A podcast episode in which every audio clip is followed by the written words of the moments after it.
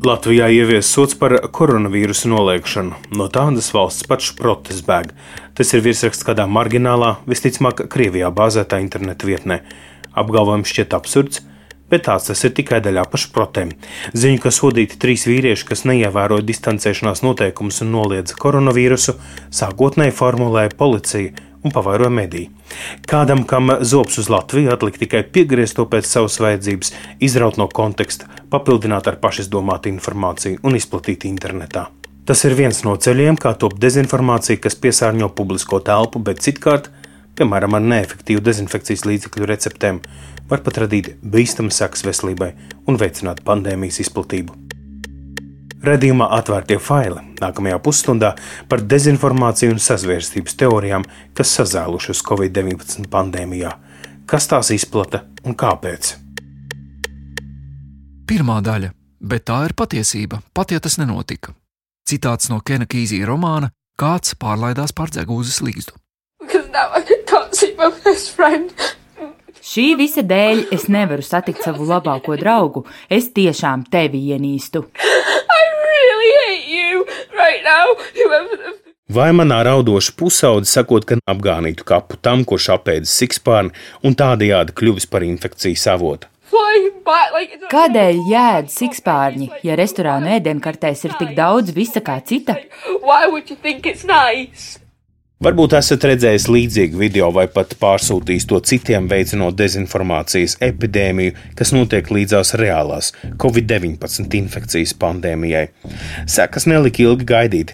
Drīz parādījās ziņas par rasistiskiem incidentiem, par atsevišķiem uzbrukumiem Āzijas izcelsmes cilvēkiem.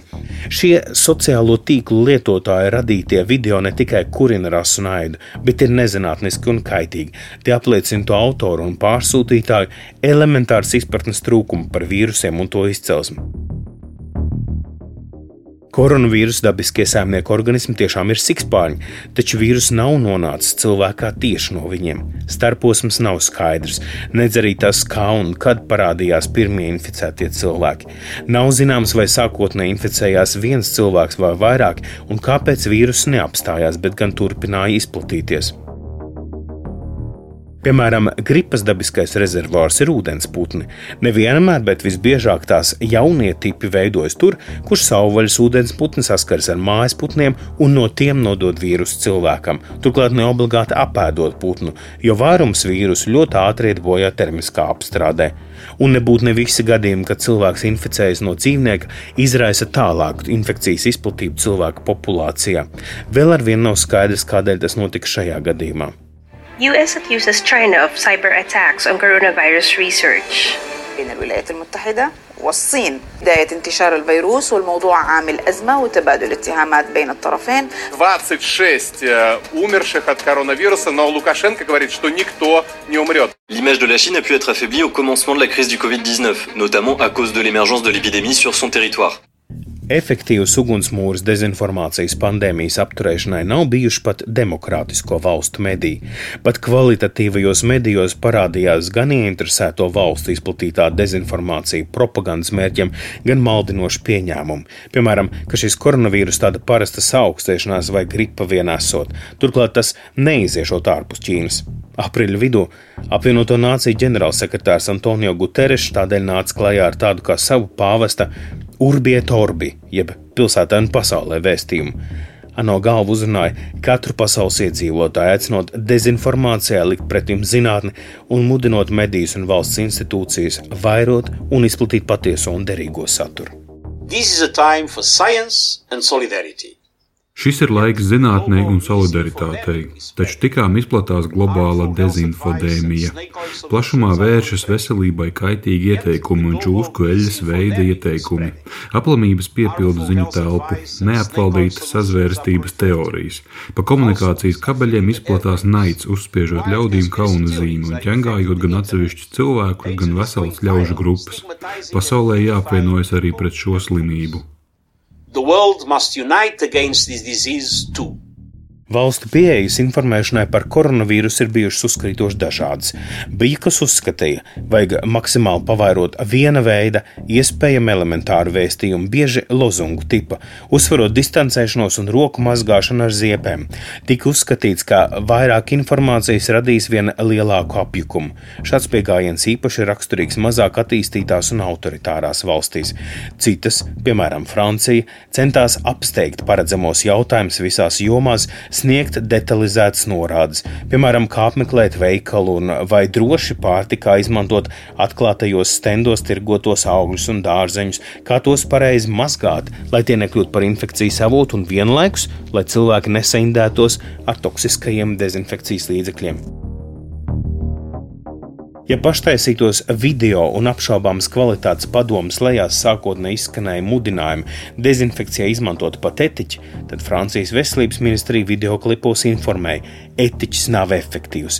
Tā lietošana rada maldīgu drošības sajūtu un tādējādi var pat veicināt inficēšanos. Arī saules gaisma vīrusu neiznīcina. Nepietiks atkārtoti lietojamo masku izkarināt aiz loga, tā noteikti jāmazgā karstā ūdenī ar ziepēm. Pretēji apvienoto nāciju ģenerālsekretāram Baltānam saimnieku ASV prezidentu Donaldu Trumpu maz uztrauc melīgie klipi. Viņš pats ir autors absurdajai idejai, ka koronavīrusu varētu ārstēt ar dezinfektantu injekciju. Ārstu sabiedrības kritiku viņš atvairīja raksturīgā veidā. Viņš esot pārprasts. Toties Trumps nepārprotami vīrusu sauc par Ķīnas vīrusu un apgalvo, ka tas nācis no Uhaņas virusoloģijas centra.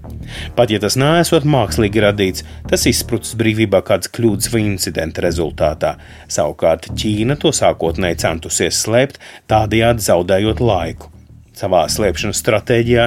Ķīna pat esot izmantojusi Pasaules veselības organizāciju, turklāt zīmīgā kārtā tā aizliegusi iebraukšanu valstī un savu iedzīvotāju pārvietošanos starp provincēm un pilsētām, bet Ķīnas pilsoņu izbraukšanu no valsts vēl kādu laiku neapturēja.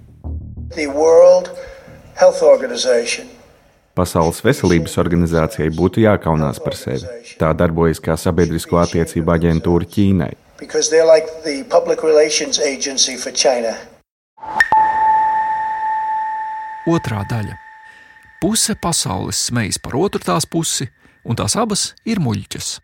Citāts no mūka Baltazara Grasjāna grāmatas Kā izmantot savus ienaidniekus.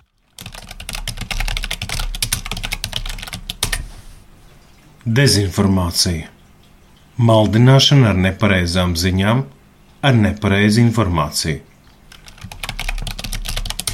Lielā latviešu valodas vārnīca - propaganda, uzskatu, ideju, zināšanu sistemātiska izplatīšana, izskaidrošana un pamatošana, nolūkā ar pārliecināšanu iegūt piekritējus. Šie iedzieni savstarpēji ļoti cieši saistīti. Stāsta Latvijas Universitātes profesora politoloģija Žaneta Ozoliņa. Propaganda var notikt arī bez dezinformācijas, akcentējot uh, vienu vai otru vēstījumu, vienu vai otru pozīciju. Bet, jebkurā gadījumā, tā ir viedokļa uzspiešana otrai pusē. Kamēr dezinformācija jau ir saistīta ar maldīgu vēstījumu, maldīgu, nu, negribas lietot faktu, bet maldīgu faktu izmantošanu savu interešu nolūkos. Covid-19 pandēmijas laikā dezinformācijas kļuvis vairāk nekā jebkad iepriekš. Pasaules vadošās valsts ASV administrācijas teiktiem ir īpašs svars un autoritāte. ASV ārlietu resora valsts departamenta paspārnē darbojas īpaša pētniecības iestāde - Globālās līdzdalības centrs. Šī centra pētījums uzrādījis, ka trīs valstis Irāna, Krievija un Ķīna, izmantojot Covid-19, sākušas spēcīgu propagandas un dezinformācijas uzbrukumu Savienotajām valstīm. Vēstījumi ir dažādi. Iepazīties ar šī pētījuma saturu plašākai publikai nav iespējams. Izdevums Politico, kas ir recenzējis šo pētījumu, sniedz nedaudz vairāk ziņu par izmantotajiem avotiem. Cita starpā minēta Krievijas aizsardzības ministrijai piederoša mājaslapa, Tajā it kā nevilšus parādījusies maldu ziņa par to, ka vīrusu radīšanā loma bija arī multimiljardierim Bilam Geitsam. Pēc politiko publikācijas parādīšanās šī ziņa no mājaslapas Krievijā pazudusi, taču ļaunumu tā jau bija nodarījusi. Kā es šai teorijai sniedzu stipri senākā pagātnē. Savulaik izmantojot vakcinācijas kampaņu, Pakistānā tika vākti pacientu ģenētiskie dati. Tos izmantoja, lai identificētu teroristu līdera Osama Bin Ladena ģimenes locekļus un tādējādi atrastu viņa slēpni. Apvienojumā rietumos jau desmit gadiem plašumā gājušo vakcinācijas noliedzēju kustību, jeb antivakserus, šīs divas stāstu līnijas kļuvušas par lāstu koronavīrusa pandēmijā. Savukārt filantropa Bila Geitsa centienus nabadzīgo planētas iedzīvotāju vakcinācijā un atbalstu jaunā koronavīrusa vakcīnas radīšanā paradoxālā kārtā iztulkoja kā pašaļaunumu sakni. Līdzās šai liekam arī vēsts, ka Bills Geits esot iecerējis visu pasaules iedzīvotāju mikročipēšanu. Atkal meli. Bet ko dezinformācijas kampaņa dod valstīm, kuras tajā tiek apsūdzētas? Piemēram, Ķīnas gadījumā viens no iemesliem varētu būt pašas pieļauto liktenīgo kļūdu slēpšana. Kā pavēstījis ASV valsts departamenta vadītājs Maiks Pompeo, Pekina pārkāpa Pasaules veselības organizācijas noteikumus un pretēji pasaules valsts saistībām nav nekavējoties ziņojusi par jaunas un bīstamas slimības izcelšanos. Even after the CCP did notify the WHO of the coronavirus outbreak, Pat tad, kad Ķīnas komunistiskā partija paziņoja Pasaules veselības organizācijai par infekcijas uzliesmojumu, Ķīna tomēr nesniedza visu informāciju, kas bija tās rīcībā. Tā vietā tika slēpts, cik bīstama ir šī slimība. Tā vēl mēnesi neinformēja, ka notiek pastāvīga slimības nodošana no cilvēka cilvēkam, līdz kamēr slimība bija izplatījusies pa visām Ķīnas provincēm. Tā cenzēja tos, kas centās brīdināt pasauli. Tā apturēja jaunu testu veikšanu un iznīcināja uz to brīdi esošos paraugus.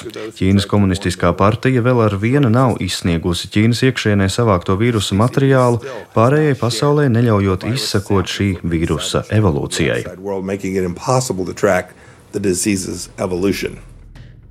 Ķīnas atbilde Savienotajām valstīm nāca daudzos informācijas kanālos, sākot no animācijas filmiņām, kurās Ķīna atspēko pārmetumus, kas izskan no ASV brīvības statujas puses, līdz vadošās Ķīnas domnīcas pārstāvju Viktora Gau izteikumiem Britu raidsabiedrības BBC ēterā.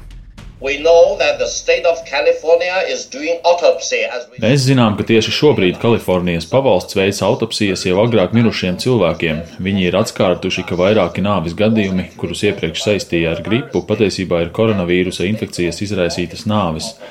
Autopsijas veids arī Ņujorkas štatā. Ir ļoti daudz norāžu, ka koronavīrusa problēma bija ASV jau janvārī, varbūt pat 2019. gada decembrī. Dosim zinātniekiem iespēju veikt izpēti. Savienotajām valstīm pašām jāveic savs mājas darbs, nevis jāšķeļ cilvēki un jāvaino Ķīna koronavīrusa izraisītos nāves gadījumos. Savienotās valstis pilnībā izniekoja veselu februāra mēnesi un lielu daļu marta neko daudz nedarot, lai sagatavotos koronavīrusam. Tā ir tā problēma. Un ja arī kāda izmeklēšana veicama, tad tā būtu par šo. This is the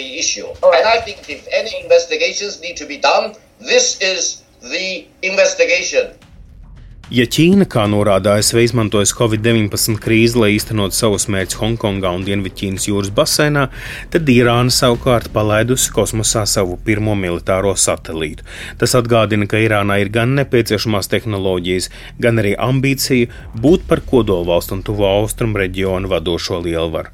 Kamēr Baltais nams izceļ Ķīnu un Irānu, Trumpa politiskie pretinieki un vadošie mēdīji no Demokrātu frontes, The Washington Post un The New York Times uzsver, dezinformācijas līderi nav duets, bet gan trio, un trešā valsts tajā ir Krievija. Turpina Žaneta Ozoliņa. Trumpam šajā gadījumā klājas ļoti grūti, jo Trumps ir viens no tiem uh, politiķiem Amerikas Savienotajās valstīs, kas ir ļoti mīlēts Krievijā un ar viņu spēlējās nu, tiešām tā kā ar tādu lelīti, kuru var manipulēt uh, visdažādākās iespējamās formās. Uh, šobrīd parādās arī Ķīna. Un šeit man gribētos tomēr, kā lai saka, varbūt mazliet brīdināt, ka ir jānodala Ķīnas un Krievijas dezinformācija Covid gadījumā no vienkārši automātiskas Ķīnas un Krievijas salikšanas vienā katlā.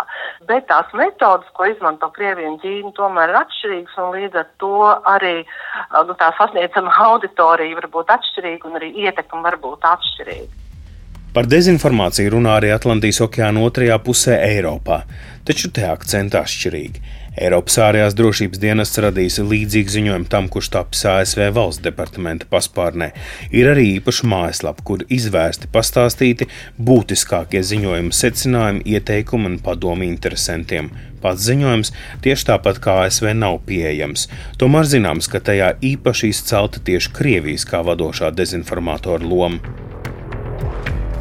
Ārējās darbības dienas ir izveidojis 4500, kā viņi to sauc, prokremliskās dezinformācijas piemēru katalogu. Galvenie secinājumi un dezinformācijas veidi aplūkojami īpašā mājaslapā Eiropas Savienība pret dezinformāciju.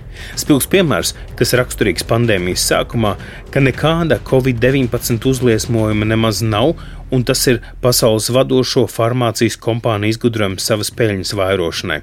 Cits piemērs šajā katalogā Laikā, kad Lielbritānijas premjerministrs Boris Džonsons tika hospitalizēts ar covid-19, Krievijas RIA novosti sabiezināja krāsas un steidza ziņot, ka viņš jau pieslēgts pie mākslīgās plaušu ventilācijas iekārtas. Tāpat uzsvērts, ka Eiropas Savienības solidaritāte saskaroties ar covid-19 izaicinājumu ir pagaisusi, ka Vācija vēloties atsaukt Krievijai piemērotās sankcijas, bet ASV ar saviem paziņojumiem cenšoties maskēt lielo Ķīnas ieguldījumu humanās palīdzības un vīrusu izpētes ziņā. Krievijas ārlietu ministrs Sergejs Lavrovs uz visiem izteiktajiem pārmetumiem atbildēja raksturīgā retoriskā veidā, saka, šī dziesma jau dzirdēta un kļuvusi apnicīga. Sergejs Lavrovs, Krievijas ārlietu ministrs. Что касается заявления Европейской внешнеполитической службы, kas attiecas uz Eiropas ārējās darbības dienesta paziņojumiem par dezinformāciju, ko it kā izplatot mūsu valsts saistībā ar visu, kas notiek ap koronavīrusu, man nebūtu pat īsti korekti to komentēt, jo mums netika uzrādīts neviens fakts, kas apstiprinātu šādus apgalvojumus. Taisnību sakot, mēs pat vairs neprasām šādus faktus uzrādīt. Esam pieraduši, ka mūsu rietumu kolēģi reizumi reizumis, pat ne reizumis, bet pēdējā laikā arvien biežāk un biežāk cenšas sazīmēt kādas kopīgas tēmas savos izdomājumos par Krievijas vai jebkuriem citiem draudiem. Вымыслах по поводу российской или какой-то иной угрозы. Interesanti, kā amerikāņi Eiropas Savienībai pārmetuši, ka Pekinas iejaukšanās dēļ tās ziņojumā mīkstināts tonis attiecībā uz Ķīnu, taču ārējās darbības dienesta pārstāvis to kategoriski noraidīs.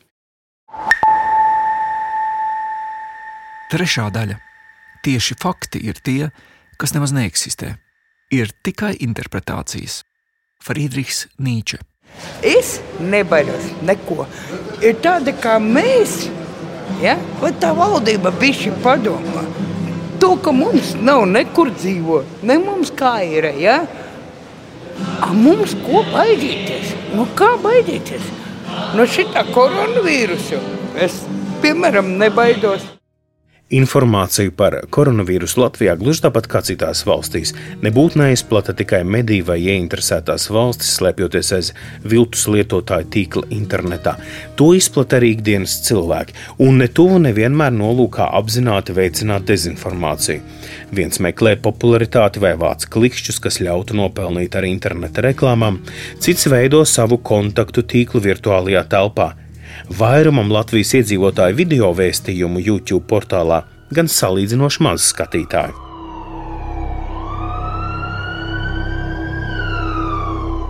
Taču marta vidū tapusi kāda saudabīga amatieru dokumentālā filma, nosaukums Krievu valodā vēsta Latvijas iedzīvotāji pret koronavīrusu - pirmā karantīnas diena. Redzama centrāla tirgus apkaime, stācijas tunelis, dzīve apstājusies gluži kā transporta līdzekļu sadursmē uz ielas, pa trotuāriem cilvēks gāzmaskā. Nosaukumā pieteiktie Latvijas iedzīvotāji ir bezpajumtnieki un citas kolorītas personas, bet sarunu virza jautājums, vai nebiedē tas, ka nebūs toaletes papīra. А то китайцы нас всех убьют. Ķīnieši mūs visus nogalinās, vienkārši nogalinās, un mums paliks, mums jau tā ļaužu maz, drīz te vairs vispār nebūs neviena. Šo YouTube kanālu uztur Edārta TV, kā viņi paši par sevi raksta, citēju, Edārta TV ir divu harizmātisku, mērķiecīgu un pavisam noteikti bezbailīgu puišu radošu apvienību ar sākotnējo mērķi atspoguļot mūsu pašu pilsētas Rīgas dzīvi, vēršot akcentu uz zemāk esošo sabiedrības slāņu dzīves aizkulisēm un ne tikai. Citāta beigas. Savulaik ierobežot atpazīstamību un odiozu slavu izpelnījās viņu video, kurā radošais tandēms samaksā prostitūtai stāvoklī par izģērbšanos pie viņu auto un sarunas mašīnas salonā. Melīga informācija arī Latvijā sāk izplatīties vēl pirms tika uzstādīta pirmā laboratoriski apstiprinātā koronavīrusa infekcijas Covid-19 diagnoze. Lai arī Niks Enziņš jau sēž uz apsūdzēto soli par viltus ziņu izplatīšanu, vakar sociālajā vietnē Facebook viņš atkal ievietojas melīgu informāciju. Šodien Latvijas infektoloģijas slimnīcā tika ievests pirmais pacients, kurš ir slims ar konoras vīrusu. Un tas nav joks! Kā es to zinu, tāpēc, ka manai draudzenei mamma strādā tajā slimnīcā. Ar Enziņa video dalījušies jau vairāk nekā 1200 cilvēku, tomēr tajā teiktais ir meli. Šis sižets Latvijas televīzijā parādījās vēl janvāra beigās. Tobrīd Latvijā nebija neviena laboratoriski apliecināta koronavīrusa gadījuma. Bet nav citas ziņas, kas būtu tik bieži citēta Latvijā, kā kāda publikācija Krievijas propagandas medijā Sputnik. Tikai trīs dienas pēc ārkārtējās situācijas izsludināšanas Latvijā te publicēts raksts ar zīmīgu jautājumu virsrakstā: Vai koronavīrus izgudrots Latvijā?